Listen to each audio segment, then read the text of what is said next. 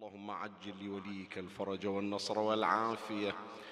وانصره نصرا عزيزا وافتح له فتحا يسيرا وهب له من لدنك سلطانا نصيرا. رب اشرح لي صدري ويسر لي أمري واحلل عقدة من لساني يفقه قولي. يا كاشف الكرب عن وجه أخيه الحسين. اكشف كربي بجاه أخيك الحسين. نادي عليا مظهر العجائب.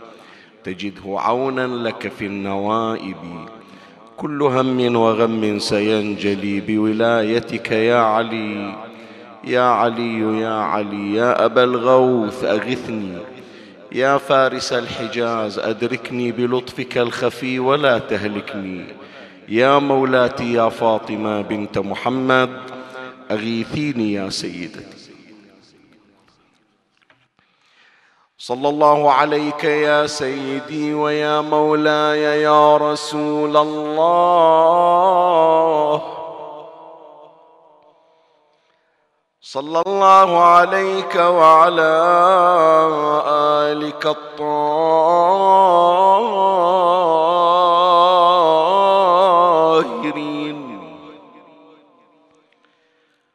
فاز من اعتصم بكم وأمن من لجأ إليكم.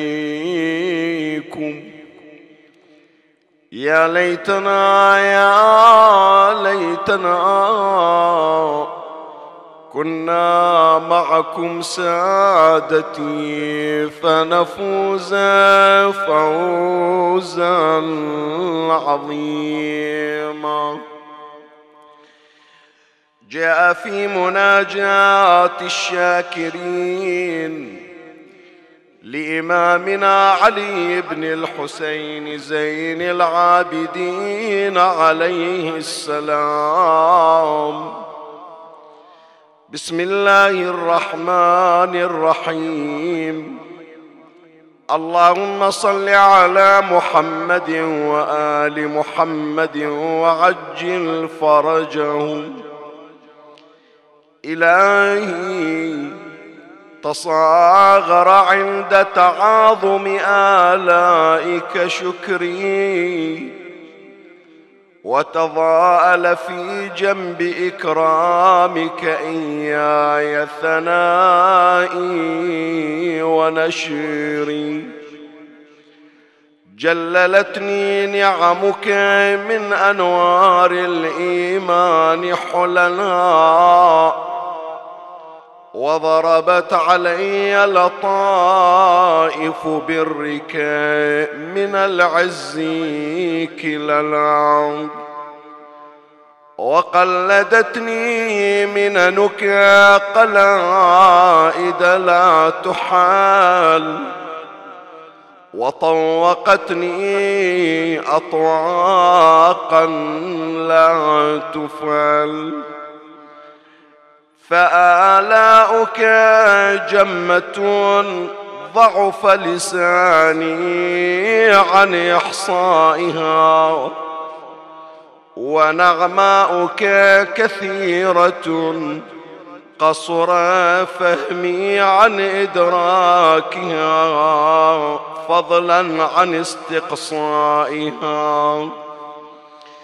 فكيف لي بتحصيل الشكر وشكري إياك يفتقر إلى شكر فكلما قلت لك الحمد وجب علي أن أقول لك الحمد. إلهي فكما غذيتنا بلطفك وربيتنا بصنعك فتمم علينا سوابغ النعم وادفع عنا مكاره النقام وآتنا من حظوظ الدارين أرفعها وأجلها عاجلا واجلا. ولك الحمد على حسن بلاغك وسبوغ نعمائك. حمدا يوافق رضاك ويمتري العظيم من برك ونداك. يا عظيم يا كريم برحمتك يا أرحم الراحمين. وصلى الله على سيدنا ونبينا محمد وآله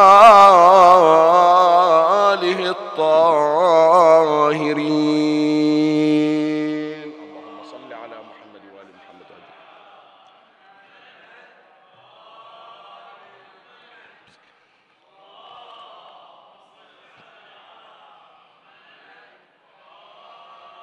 اللهم صل على محمد وآل محمد وعجل فرجه في هذا المقطع الشريف من مناجاة إمامنا علي بن الحسين زين العابدين صلوات الله عليه. أقول في هذا المقطع وليس في كل المناجات. كل المناجات كل المناجات تحتاج إلى حلقات حتى نأتي على فصولها وعلى شرحها وعلى بيان غوامضها وخفاياها. لكن هذا المقطع الذي وفقني الله تبارك وتعالى أن أتلوه على مسامعكم الشريفة. يحتوي على مجموعة من الأمور التي ينبغي أن نتنبه إليها. أول أمر الإمام زين العابدين عليه السلام يعترف لله تبارك وتعالى وهو يعلمنا على هذا الاعتراف أن منن الله ونعم الله تبارك وتعالى نعم لازمة. شوي حط بالك إلى هذا التعبير. النعمة الإلهية المنة الإلهية منة لازمة. لازمة يعني شنو؟ يعني تبقى أنت مدينا مدينا لله تبارك وتعالى بالشكر على هذه النعمة. سواء كانت هذه النعمة مستمرة أو كانت هذه النعمة وقتية. شلون؟ خلي أوضح لك خلي أتوقف وياك عند هالعبارة. مرات الله تبارك وتعالى ينعم عليك بنعمة هذه النعمة لا تفارقك. وأبرز هذه النعم نعمة الوجود. الله تبارك وتعالى أوجدنا ولا زلنا إلى الآن موجودين. وسنبقى موجودين حتى بعد الموت. نحن موجودين. ولو أن إذا متنا تركنا لكان الموت راحة كل حي ولكن إذا متنا بعثنا ونسأل يومها عن كل شيء. فأنت لا تتصور أن وجودك فقط مدة الحياة لا بعد هذه الحياة ستأتي حياة أخرى في عالم البرزخ وبعد حياة البرزخ ستأتي حياة أخرى وهكذا. فنحن أوجدنا الله تبارك وتعالى أصلا حتى قبل لا يسجلون لك شهادة ميلاد. أنت كنت موجودا في عالم أرحام في عالم أرواح في عالم ذر في عوالم متعددة. فإذا هذه يسمونها النعمة لازمة. أنت من أوجدك الله بقيت وستبقى موجودا. لكن هناك نعم يتصور البعض أنها نعم وقتية. شلون أنا أقول؟ اكو واحد أنعم الله عليه بأن ذهب لزيارة الإمام الحسين عليه السلام. رزقنا الله وإياكم إن شاء الله الوصول. أو راح إلى حج بيت الله الحرام قبل أربعين سنة خمسين سنة. تمام؟ بعد ما تكررت لظروف ما تكررت ذيك الحجة أو ذيك الزيارة ما تكررت. فيقول أنا ليش بعد أظل دائما أشكر الله أنه قبل خمسين سنة رحت الحج؟ وليش أنا أشكر الله على ذيك السنة قبل ثلاثين سنة يوم رحنا لزيارة وما رحنا عقبها خلاص شكرت الله ذيك السنة انتهينا فرغنا. هل هذا الكلام صحيح؟ هل أن تلك النعمة انتهت وذهبت وبالتالي يتوقف الشوك بتوقف تلك النعمة؟ لا هذا مو صحيح. شلون مو صحيح؟ أنا أقول لك. أولا تلك النعمة أنت لا يمكنك أن تستغني عنها. مثال ذلك يوم من الأيام أنت جنابك بسم الله عليك من الشر كنت عطشانا واحتجت إلى الماء عطوك قلاص الماء وشربت هذا الحكي قبل كم سنة؟ فرضا عشرين سنة قبل. أنت اليوم على قيد الحياة لمدة عشرين سنة ببركة ذلك الماء الذي شربته. هالقلاص الماء اللي شربته قبل عشرين سنة؟ صحيح؟ عطاك مسبب للحياة بقيت على قيد الحياة إلى هذه الفترة. فلا تقول لي أنا شكرت يوم أعطاني قلاص الماء وانتهيت. أنت إلى الآن مدين له بالفضل. كذلك أيضا هذه الحجة ذيك الزيارة اللي رحتها انت اليوم في نعمة انت اليوم في رزق انت اليوم في خير انت اليوم في موفور صحة وسلامة. انت اليوم في زيادة إيمان ولعل السر شنو؟ بركة ذيك الزيارة اللي قبل أربعين سنة رايحة انت لا تفكر والله الزيارة بس ركبت طائرة أو ركبت سفينة وسكنت في فندق وأكلت في ذيك السفرة وهي هذه الزيارة. لا. لزيارة إلها أثر مادي وأثر معنوي. يمكن أنت فقط تفكر في الأثر المادي لكن هناك آثار معنوية لا زالت باقية. وكذلك أيضا لو أن شخصا فقد ولدا من الأولاد يقول بعد أنا ليش أشكر الله على ولد دفنت قبل خمسين سنة؟ خصوصا دول اللي آه، تعرضوا مثلا إلى سقوط الجنين. بعض مثلا من الأمهات يطيح من عندها الجنين مثلا ستة سبعة كذا غيره. فتقول أنا أشكر الله على أولادي الموجودين. السقط اللي طاح شي حاجة فيه بعد. هو شهرين وطاح ورحنا دفناه. أشكر الله عليه أشكر الله على هالولد هذا اللي كل يوم يزورني. لا حتى ذاك الولد. حتى ذاك الولد اللي أصلا منكم ما شفته. في الروايات أنه لا يدخل الجنة حتى يدخل أبواه. لا خلي شوية أوقف وياك بعد. مدام مرينا عد هذه القضية. الولد اللي ربيته وتعبت عليه يمكن يوم القيامة مشغول عني بنفسه. صحيح لو لا؟ وهو أنا اللي تعب عليه وأنا اللي صارف عليه وأنا اللي محترق قلبي عليه. بينما ذاك اللي أصلا ما شافته السقط اللي ما شافته يوم القيامة في الروايات يقف محبنطئا عند باب الجنة. محبنطئ يعني شنو؟ يعني زعلان. شلون تدخلون الجنة أبوي وأمي بعدهم ما إجوا؟ هم لو ما جابوني كان ما صرت من أهل الجنة. فلا يدخل الجنة حتى يدخل أباه. وهو هذه الأم ما شافته. هو ذاك الأب ما شافه.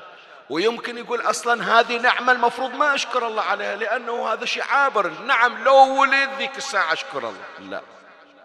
فإذا واحدة من الأمور المستفادة من هذا المقطع يا أحبائي أن الشكر المنعم والامتنان له على النعم أمر لازم.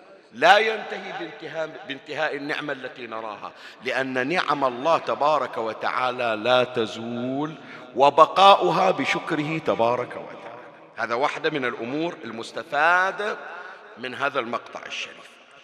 الأمر الثاني الذي نستفيده من هذا المقطع اعتراف الإمام سلام الله عليه بالعجز عن شكر الله واحد لا يقول أنا أديت حق النعمة بالشكر.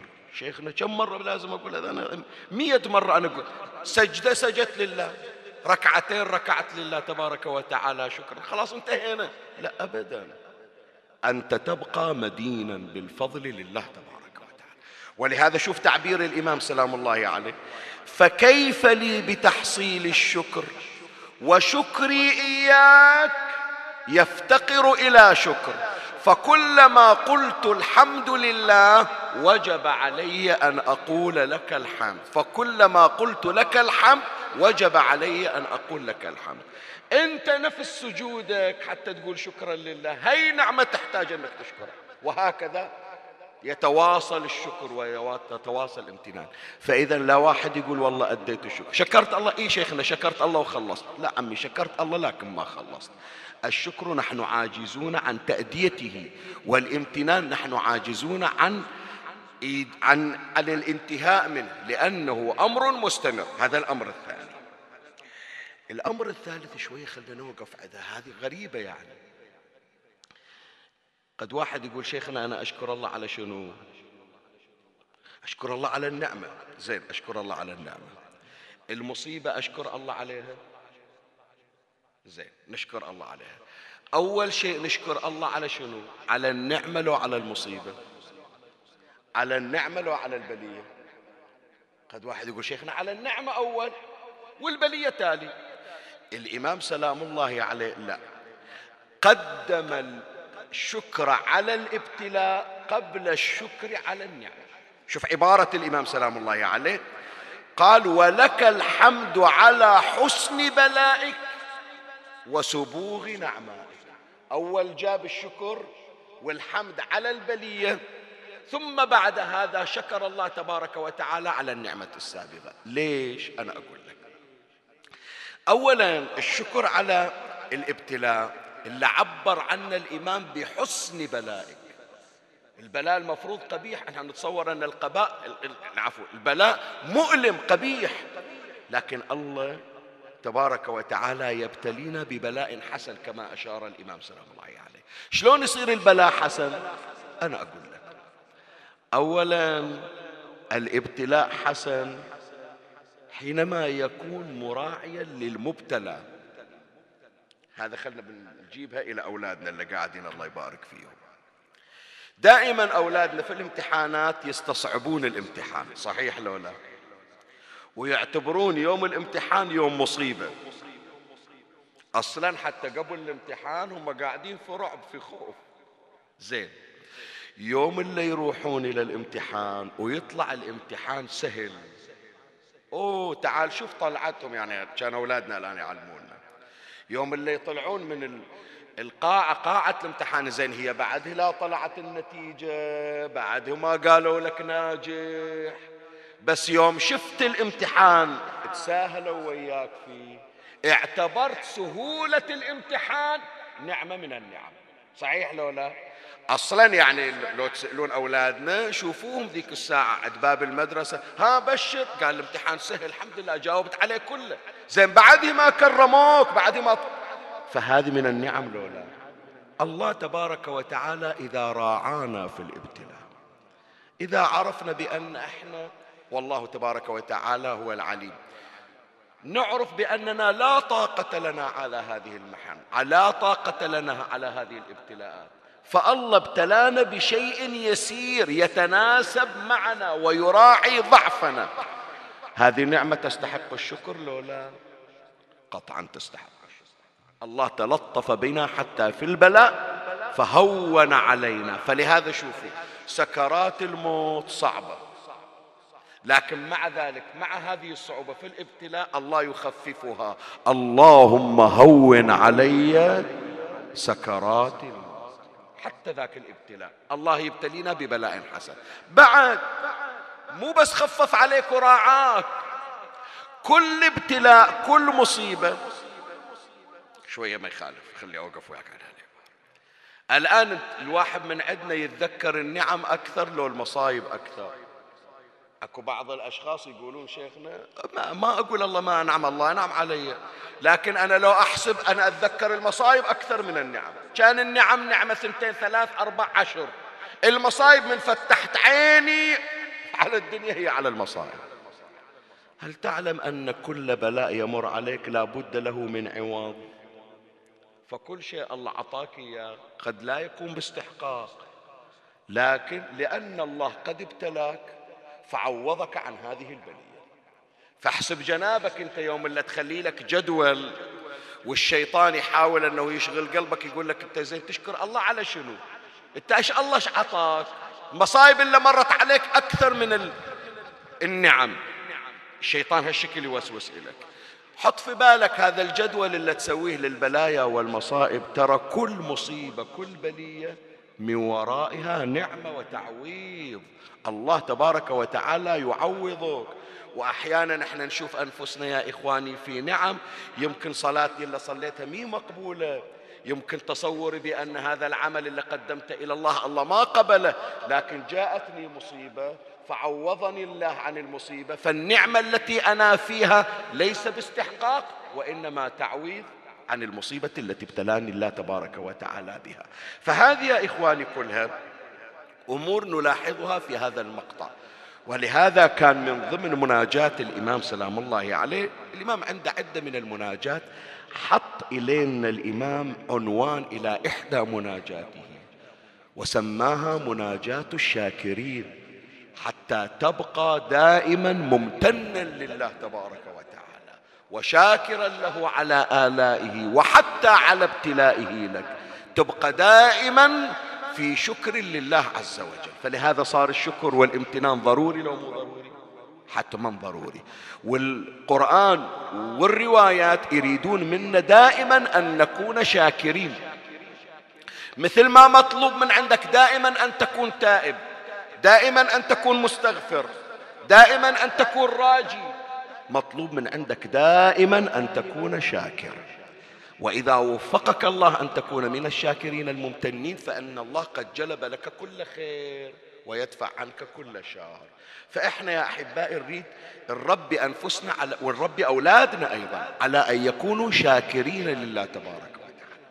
علم أولادك من صغرهم. تشايف الولد دائما؟ إحنا عدنا بالبحران نقول يتحلطم.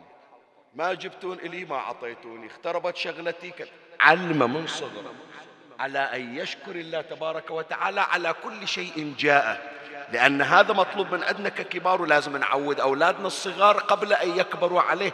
كما كما أسس إلى ذلك إمامنا زين العابدين سلام الله عليه. فحديثنا هذه الليلة هي الحلقة الثالثة من السلسلة التي أطلقت عليها عنوان ثقافات ضرورية. ونريد أن نرسخ في أنفسنا ثقافة الامتنان. يعني نعود أنفسنا على أن تكون حياتنا أن تكون حياتنا حياة الشكر والامتنان لكل من أنعم علينا. فأشير إلى هذا الموضوع في فصلين إن شاء الله. ومن الله أستمد العون والتوفيق. ومن مولاي أبي الفضل العباس المدد وألتمس منكم الدعاء. وثلاثا بأعلى الأصوات صلوا على محمد وآل محمد.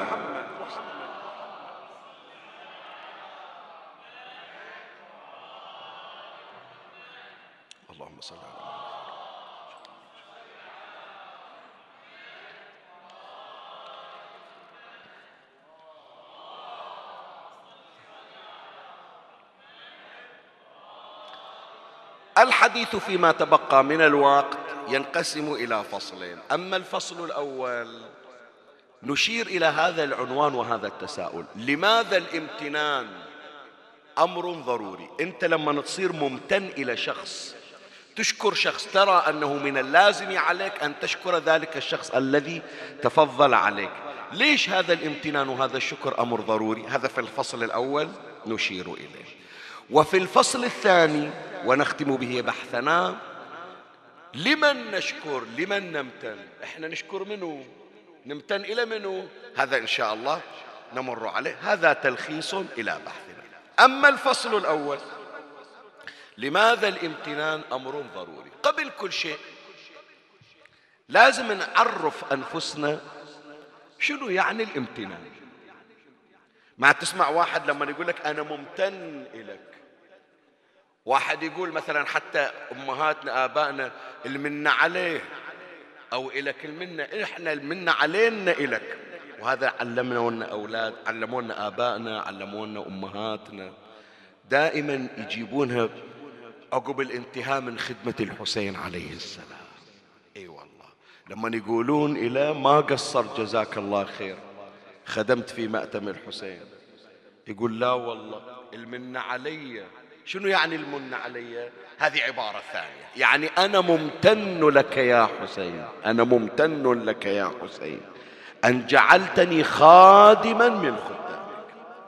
عرفنا؟ شوفوا هذه الكلمة مو جديدة لا. الكلمة من يوم إحنا صغار وإحنا نسمعها.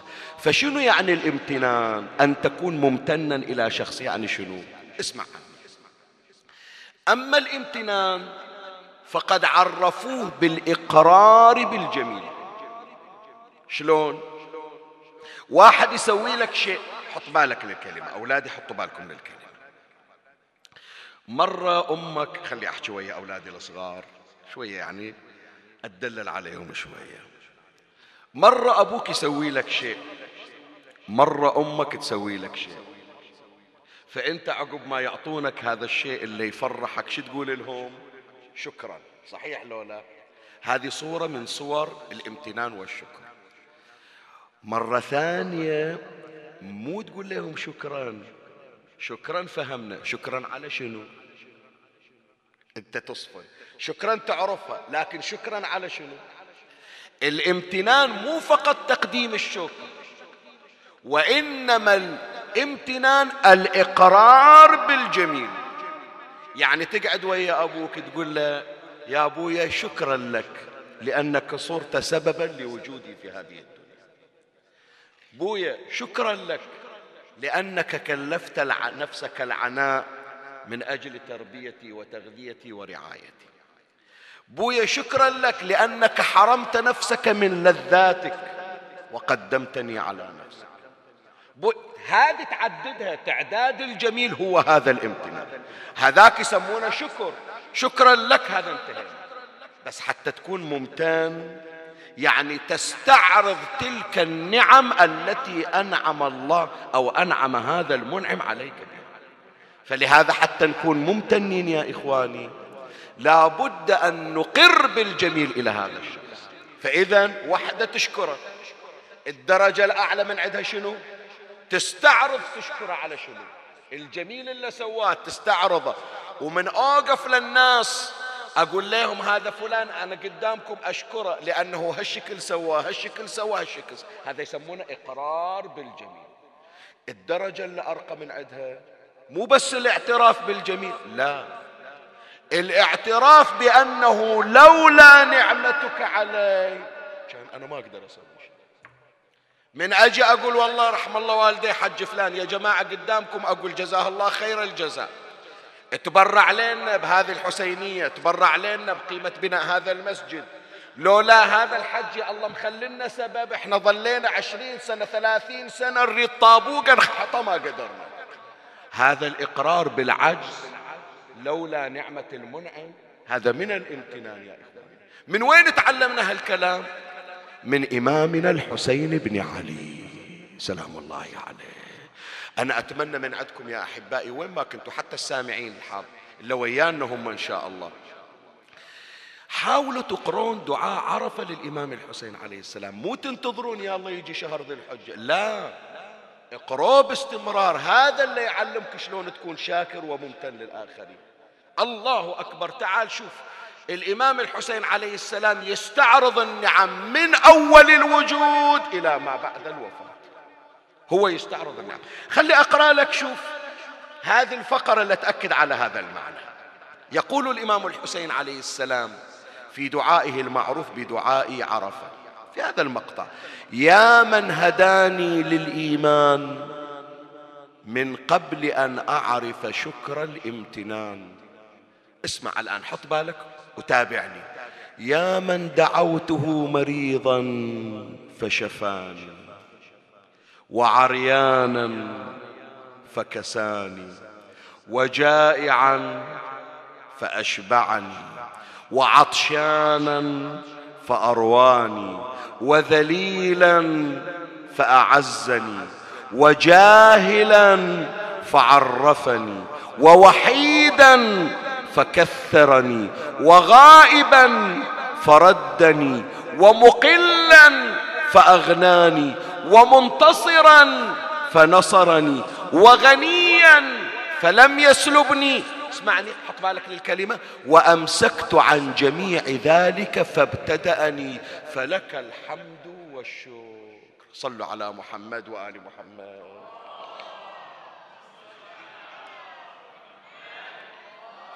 يقول الإمام الحسين عليه السلام يقول هذه كلها نعم إلهية. مرة أنا من مرض ظليت دائما أدعو الله الله من علي بالصحة والشفاء. مو تمام؟ من أول ما طلعت التقارير وقالوا يا شيخ ياسين تحتاج إلى عملية وأنا أقول يا ربي خلصني من هالبلاء خلصني من هالمرض الله استجاب لي. لكن ما فكرت حط بالك لهالمثال هذا ما فكرت. ذاك اللي دفعة واحدة وإذا جلط يا دافع البلاء. إيه. مرة واحدة وإذا في غيبوبة ولا عنده أم ولا عنده خت ولا عنده زوجة ولا عنده أولاد ولا أحد يعرفه في ديرة ما حد يعرفه فيها ودوه للمستشفى في غيبوبة. هذا وين دعا الله حتى الله يشافي؟ مو أكو ناس من هالقبيل يا جماعة لو لا؟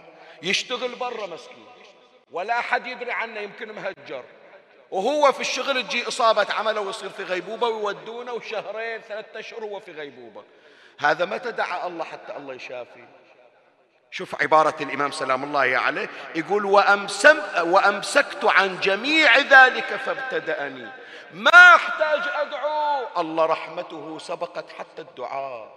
هذا ثلاثة أشهر وتالي يقوم من مرضه بعد أن أجمع الأطباء على أنه لا علاج له. وإذا يقوم متعافي وتجيه الصحة أكثر من السابق. من وين؟ رحمة رب العالمين. يقول صح أنا أدعوك يا ربي لكل هذه الأمور فتستجيب لي. لكن حتى لو أمسكت للتقصير أنت رحمتك لا تنقطع عني. يا من رحمته وسعت وسعت كل شيء. يعني شنو؟ يعني الداعي وغير الداعي السائل وغير السائل. رحمة رب العالمين مو بس للي يدعون حتى ذاك المبتعد. الله يقول له ترى أنت حتى لو كنت جافي أنا أعاملك باللطف. هذا لطف رب العالمين. فإذا يا أحبائي معنى الامتنان دائما أنا أقر. شوف الإمام يقر إلى الله تبارك وتعالى بكل جميل ونعمة ومنة تفضل الله تبارك وتعالى به عليه. زين الآن تقول لي شيخنا الامتنان عرفناه. زين ليش أنا دائما أكون ممتن؟ ليش دائما يكون أشكر الله؟ خلي أقول لك. واحدة من الأمور اللي تخليني دائما أن أكون ممتن إلى الله. هذا من أهم مفاصل البحث. حط بالك قبل أن أشرع فيه فرغ لي قلبك واعرني سمعك وأقبل علي بكلك ولروح مولاتنا الزهراء عليها السلام. صل على محمد وآل محمد بأعلى صوتك. اللهم صل.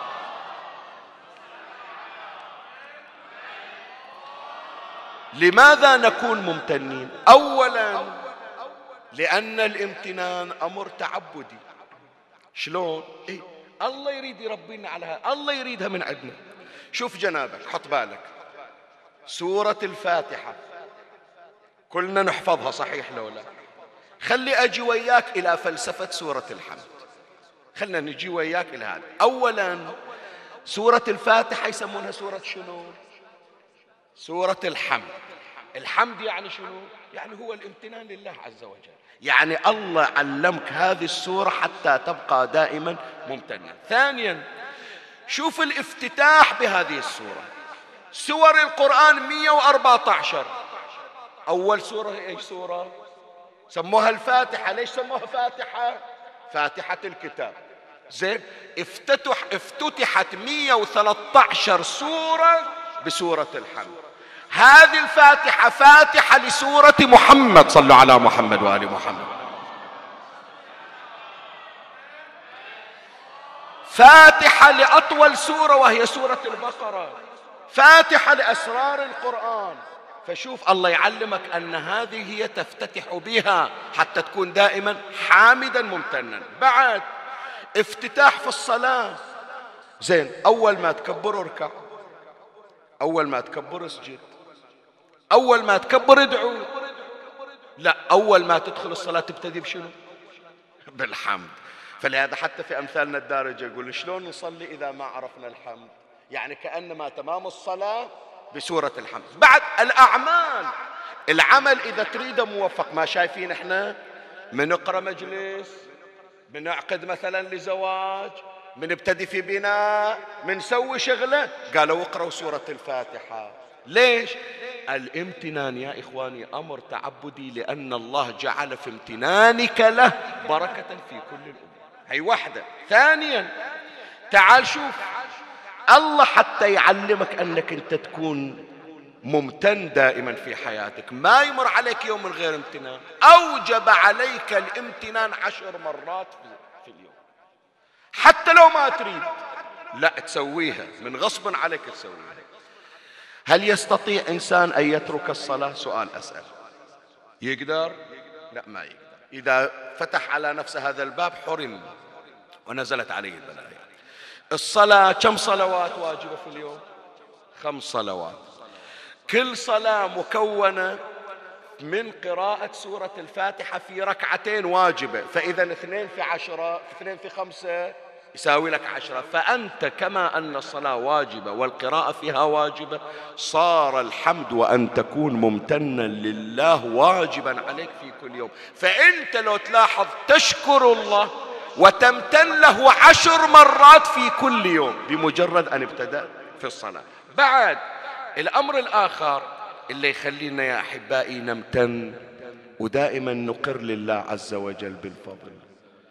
أن هذا اللي يشكر الأشياء ويمتن إلها هذا يعرف قيمة الشيء. أنا شكرتك أنك يوم اللي ضيفتني في بيتك لأني عارف قيمة هذه النعمة. أما اللي ما يعرف قيمة النعمة يقول لي أنا أشكره على شنو؟ ما تسمع شنو؟ ما تسمع بعض الأشخاص؟ قول له شكرا. قال شكرا على شنو؟ شو مسوي لي هو؟ ليش؟ لأنه مو عارف قيمة هذه النعمة التي أنعم بها ومن عليه بها. فلهذا يا أحبائي شوف أكو كتاب أتمنى من أولادي وبناتي يقتنون الكتاب مسلي وخفيف يسمونه الامتنان أسلوب حياة. إلى واحد إيه أعيد الامتنان أسلوب حياة. إلى دكتورة أو قصة هي اسمها لويزا هاي. هذه غريبة هالقضية قضية الكتاب. هذه المرأة تجي إلى أي واحد تشوفه على وشك الموت مصاب بمرض تعلم شلون أنه يشافي نفسه بنفسه. تقول له لا تنتظر الدكتور لا تنتظر المستشفى أنت تبتدئ بشفاء نفسك بنفسك. قدرت تغير حياة مجموعة من سنة 81 إلى هذه السنوات إلا قدرت أنها تغير حياتهم.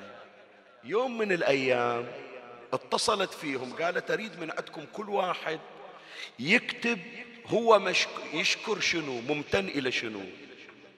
هو يحس بأنه أشياء هو متفضل هذه الأشياء متفضلة عليه وهو ممتن لها. شنو هي الأشياء؟ خلى يكتبها ويسجلها. ولهذا هذا الكتاب الامتنان أسلوب حياة. هذه مجموعة كتابات فلهذا يكتبون فوق لويزا هاي وأصدقائها ممتنين إلى شنو؟ يتشكرون من شنو؟ واحد يقول أنا مش, مش أتشكر لله تبارك وتعالى لأنه لو الله ما وقف وياي كان ما عديت هذه الأزمة. واحد يقول أنا مش أشكر الكون اللي أنا فيه لأنه لو ما أنا موجود في هالحياة كان أصلا ما قدرت أسوي شيء. يوم من الأيام هي تقول هذه المؤلفة أكو بنية عمرها عشر سنوات هذه تقول قدرت أنه أنا أغير حياتها فيوم من الأيام دعتني إلى الضيافة. رحت بيتهم. أثار هي فقيرة هي ويا عائلتها مثل ما نقول إحنا بمصطلحاتها بيتها من تشينكو بيت قديم. فتقول هي هذه نفسها المؤلفة قلت أوه انصدنا.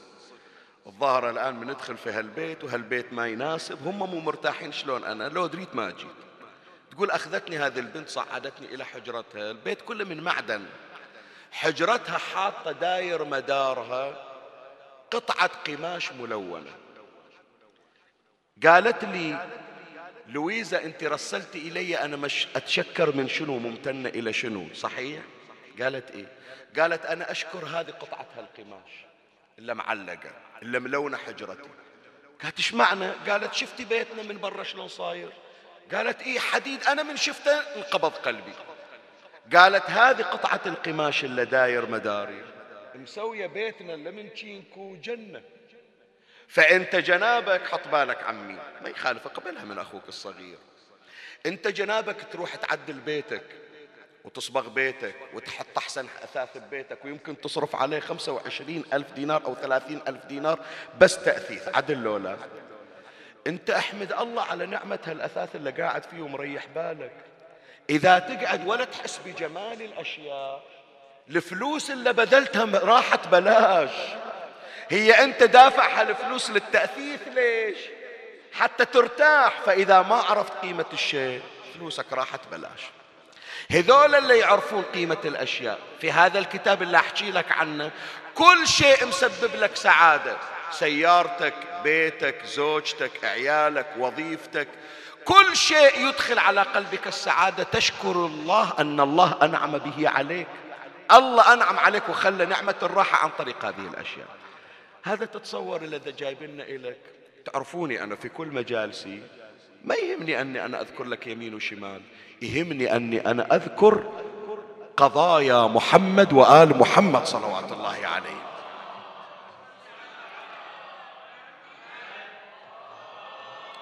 هذه دكتورة أو القصة لويزا هاي وأصدقائها من تقول اشكروا الأشياء لأنها جاءت لكم بالسعادة قبل لا تكتب هالكتاب. ترى سبقها أهل البيت عليهم السلام. إي والله إي والله. سبقها أهل البيت. أهل البيت كل شيء سب جاب لهم خدمة. يشكرون الله عليها ويشكرون الشيء. حتى الحيوانات حتى الحيوانات. اسمعني إيش أقول لك؟ تستغرب من هالكلام. بس هو أنت تقرأه مر عليك. حتى الحيوانات اللي خدمت أهل البيت أهل البيت يعطفون عليه ويشكرونه إمامنا الحسين عليه السلام يوم العاشر. عطشان ثلاثة أيام مو شارب ماي. لكن من يوصل للنهر؟ شو يقول للجواد؟ يقول له يا جواد أنت عطشان وأنا عطشان. فوالله ما شربت الماء حتى تشرب. الفرس فهم إيش فهم قال الحسين بعد ما نسى اللي سويته إليه أنه شايلنا على ظهري. مع العلم أن الله خالقني ببركات الحسين هو علة الإيجاد والله مشرفني إذا إلي شرف أنه يمتطي صهوتي الحسين. أثار الحسين شايل جميلي أني أنا شايلنا على ظهري. حتى ما يريد يشرب إلا أول أنا أشرب. فرفع الفرس رأسه من الماء وما شرب حتى يشرب الحسين. الحسين هم مع ذلك يقول له أنت أشرب وأنا أشرب. تدري هالفرس هذا البهيمة؟ حفظ الجميل لأن الحسين ممتن له أنه أصعده على ظهره. ما راد الحسين يوقع من على ظهره. إذا مال يمين. ناقة زين العابدين سلام الله عليه. هذه اللي نقراها دائما. هذه يا جماعة تعلمنا ثقافة الامتنان. أنت إذا شكرت الأشياء شكرتك الأشياء. الشيء اللي تحافظ عليه الشيء هو نفسه يحافظ عليه. تمام؟ زين العابدين حج على ناقة خمسة وعشرين سنة ما قرأها بصوت. توقف تاكل ما يقول لها يلا استعجلنا خلاها تاكل على راحتها. تدري هالناقة يوم مات زين العابدين إيش سوى إي والله خرجت من معطنها جاءت إلى قبر زين العابدين في البقية ثلاثة أيام إلى أن نفقت. وشوف زين إمامنا الباقر عليه السلام قالت فنوها فإن أبي قد أوصاني فيها. أهل البيت هم اللي علمونا شكر الأشياء لأنها مصداق لنعمة الله تبارك وتعالى. قبل لا هذه المؤلفة تكتب هالكتاب إحنا أهل البيت علمونا على هذه الأمور. فإذا هذه من الأشياء التي تجعلنا نكون ممتنين دائما. بعد ليش دائما نكون شاكرين ممتنين؟ لأنه النعمة اللي جتك إذا شكرتها زادت وتضاعفت. فلهذا قال ربنا تبارك وتعالى وإذ تأذن ربكم لئن شكرتم لأزيدنكم ولئن كفرتم إن عذابي شديد. ويقول أمير المؤمنين سلام الله عليه بالشكر تدوم النعم. زين. بعد خلي راح أنا باقي عندي خمس دقائق عشر دقائق أختم مجلسي. تدري لما أنت واحد سوالك معروف وتشكره؟ انت تقول لي شيخنا ليش اشكره أنا أقول لك لما تشكره أنت ترتاح نفسيا. أنت أنت. مو هو هو يستأنس أكيد يستأنس أكيد يفرح. بس أنت لما تشكر شخص تحس بالراحة. أنت تحس بالراحة. وأقرأ لك هذه الرواية. الرواية يذكرها العلامة المجلسي على الله مقامه في بحار الأنوار في الجزء التسعة والسبعين. قال روي, روي أن عيسى عليه السلام مر برجل أعمى. احفظ هال هالمصايب اللي نازلة عليه شوف إيش أقرأ لك. مر برجل أعمى. أبرص. مقعد. مضروب الجنبين. يعني من الصوبين جسمه يتلاث يتلاث جسمه يتناثر. مضروب بالجانبين بالفالج. وقد تناثر لحمه من الجذام. صور أنت بالله عليك هالأمراض. كم مستشفى لازم يعالجونه؟ كم عملية يحتاج؟ طيب. هذا اللي هالشكل غير يتوجع وهو يقول الحمد لله الذي عافاني مما ابتلى به كثيرا من خلقه. فقال له عيسى عليه السلام يا هذا وأي شيء من البلاء أراه مصروفا عنك. تظل مرض ما نزل فيك. تشكر الله على شنو؟ وأي شيء من البلاء أراه مصروفا عنك. فقال يا روح الله أنا خير ممن لم يجعل الله في قلبه ما جعل في قلبي من معرفته. الحمد لله على هالأمراض لا أشوف لا أتحرك لحمي طايح لكن دائما أذكر الله. حكوا ناس بعافيتهم ما يذكرون الله. فالحمد لله على نعمة الإيمان. شوف اللي يصير ممتن شي يحصل؟ اسمع الرواية. فقال له صدقت هات يدك. فناوله يده. فإذا هو أحسن الناس وجها وأفضلهم هيئة قد أذهب الله عنه ما كان به فصحب عيسى عليه السلام وتعبد معه.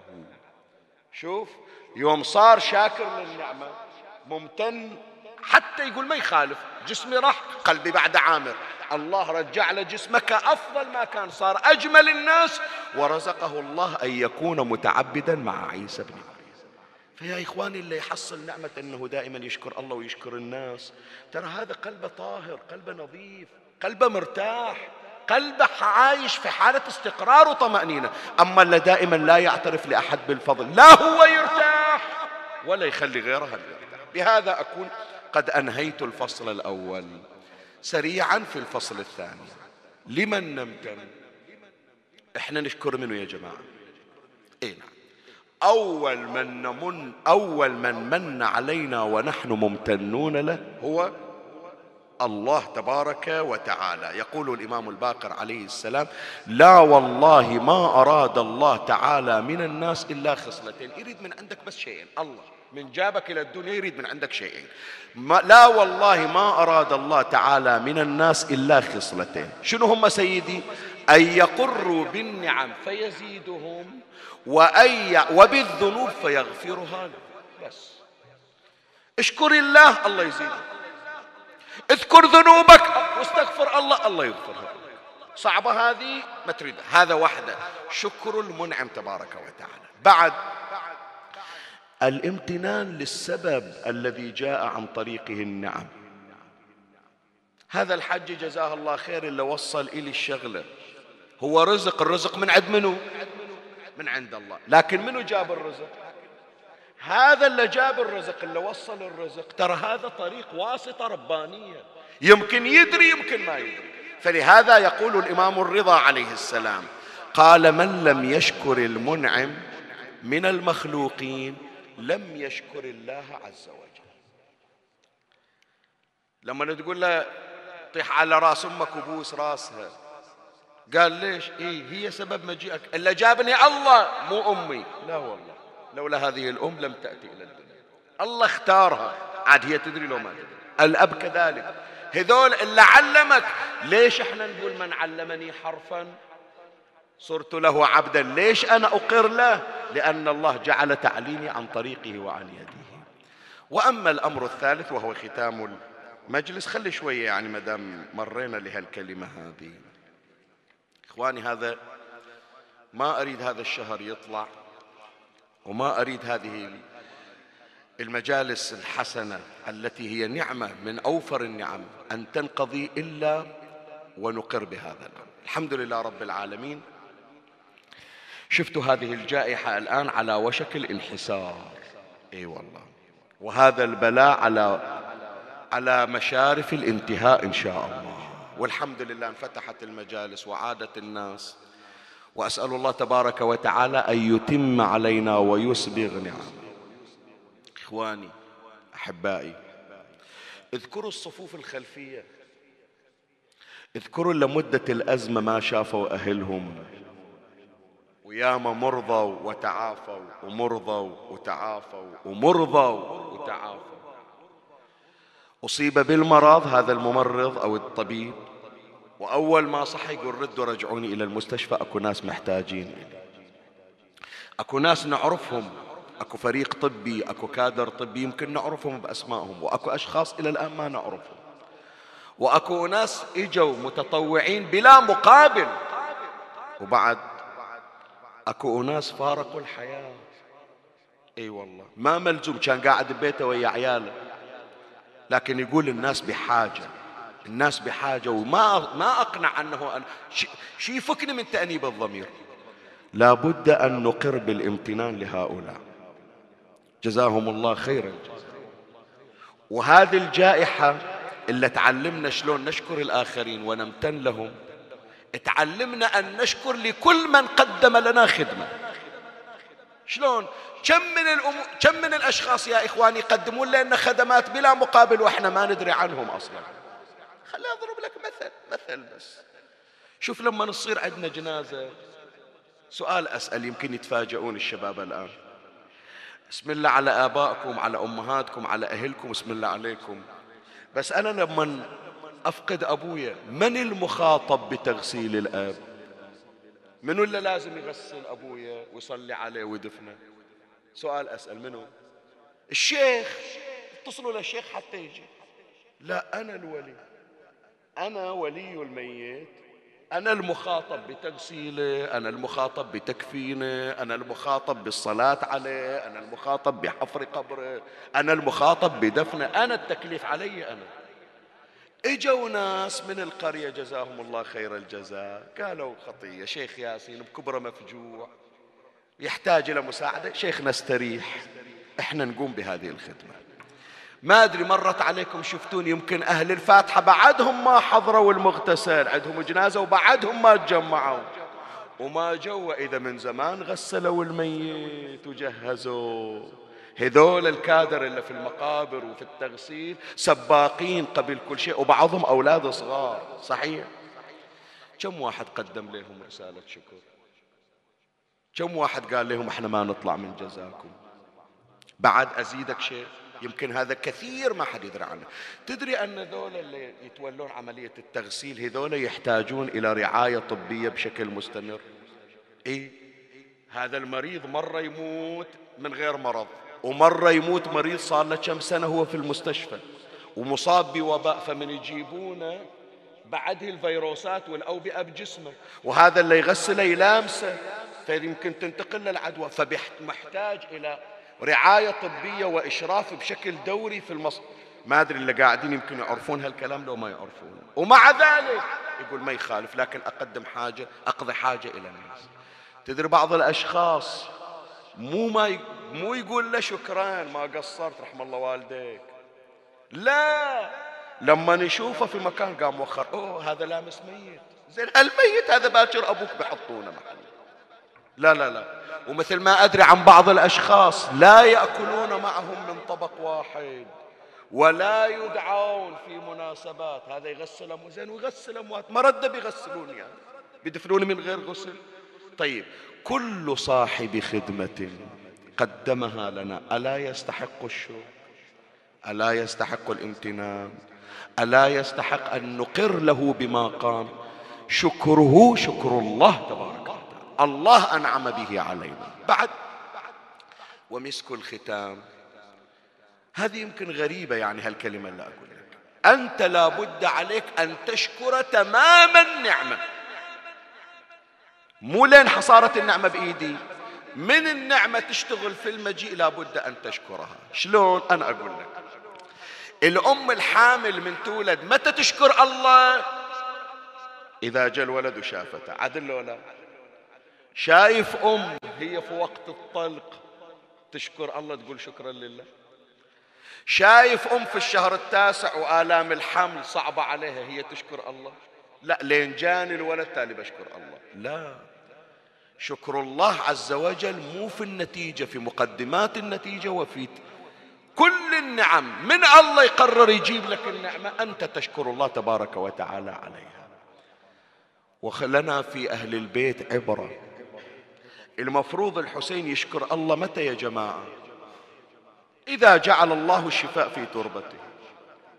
إذا رزق الله تب... إذا رزقه الله تبارك وتعالى بالشهادة درجة لا ينالها إلا بالشهادة. ذيك الساعة يشكر الله. لا هذا إحنا.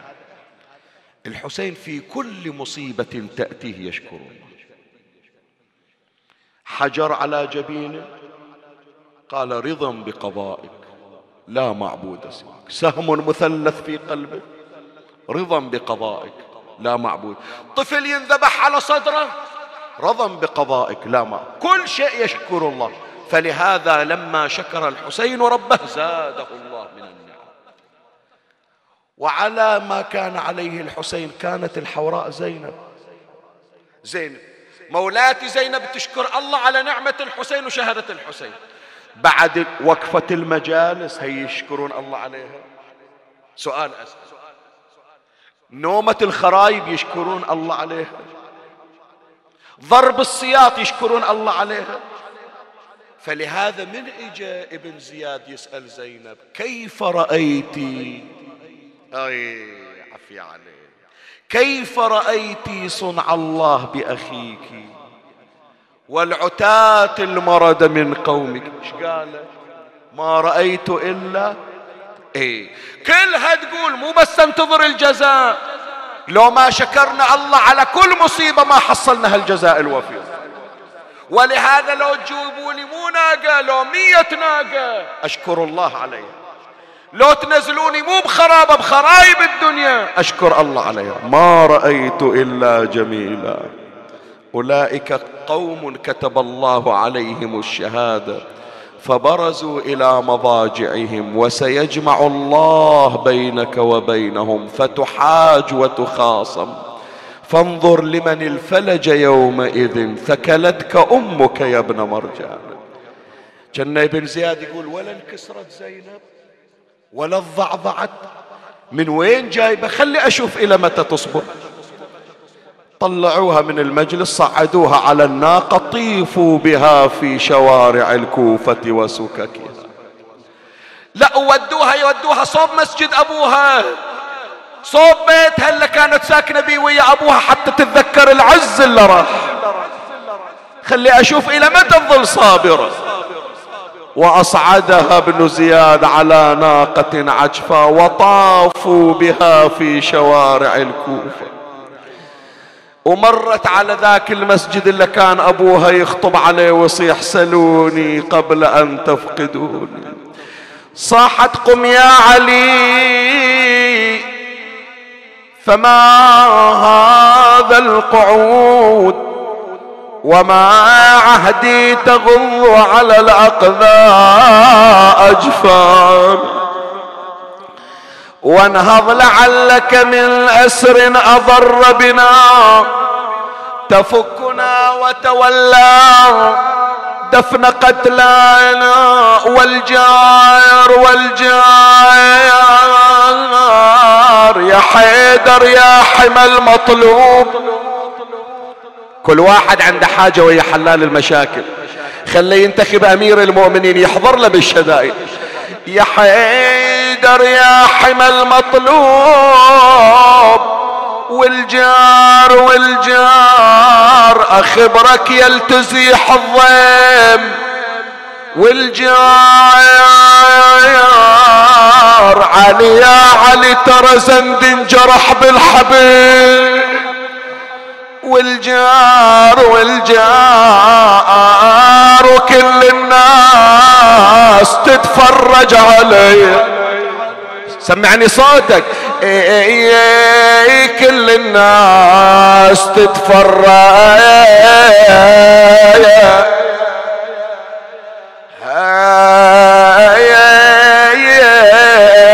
عليه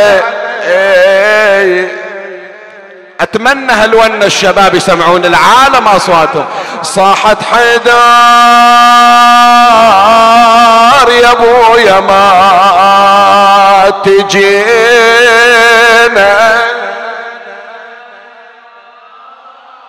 أحسنت. هكذا تكون ما تجينا وتشوفنا شلون انسبت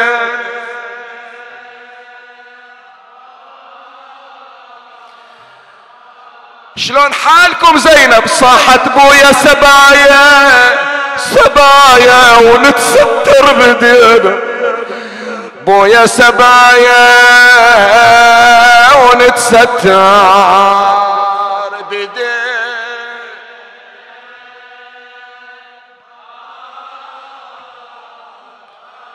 بويا سبايا ونتستر بدينا. علي علي والناس تتفرج. البيت إلك أنت تقرأ والناس تتفرج.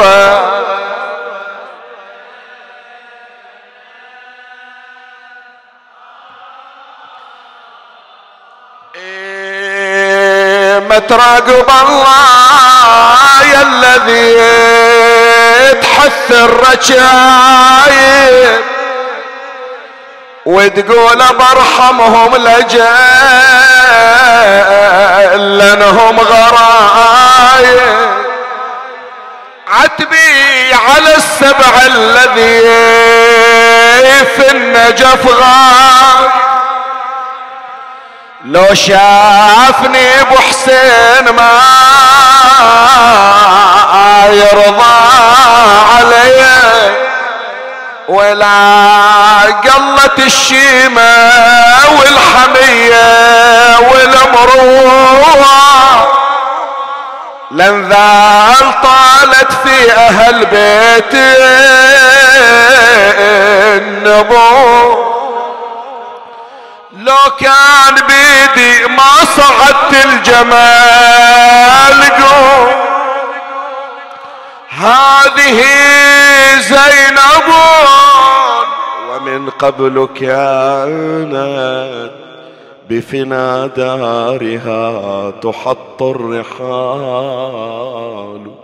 أمست اليوم واليتامى عليها. يا لقوم تصدقون أنذالوا ومن بلدة تهدى إلى شر بلدة ومن ظالم تهدى إلى شر ظالم. اللهم صل على محمد وآل محمد. اللهم ارزقنا شكر الشاكرين. اللهم ارزقنا حمد الحامدين. اللهم اجعلنا منظورين بنظرة ساداتنا محمد وآله الطاهرين. يا من أرجوه لكل خير وآمن سخطه عند كل شر. يا من يعطي الكثير بالقليل يا من يعطي من سأله. يا من يعطي من لم يسأله ولم يعرفه تحننا منه ورحمة. اعطني بمسألتي إياك جميع خير الدنيا وجميع خير الآخرة. واصرف عني بمسألتي إياك جميع شر الدنيا وشر الآخرة. فإنه غير منقوص ما أعطيت. وزدني من فضلك يا كريم. اقرأ معي. يا ذا الجلال والإكرام. يا ذا النعماء والجود. يا ذا المن والطول حرم شيبتي على النار. اللهم عجل فرج إمامنا صاحب العصر والزمان. شرفنا برؤيته وارزقنا شرف خدمته. اقض حوائجنا وحوائج المحتاجين سيما من سألنا الدعاء بجاهه ومقامه عندك. ترحم على أمواتي وأموات الباذلين والمؤسسين والسامعين والحاضرين وجميع المؤمنين سيما من لا يذكره ذاكر ولا يترحم عليه مترحم. أوصل لهم جميعا ثواب هذا المجلس وبلغهم ثواب الفاتحة مع الصلوات.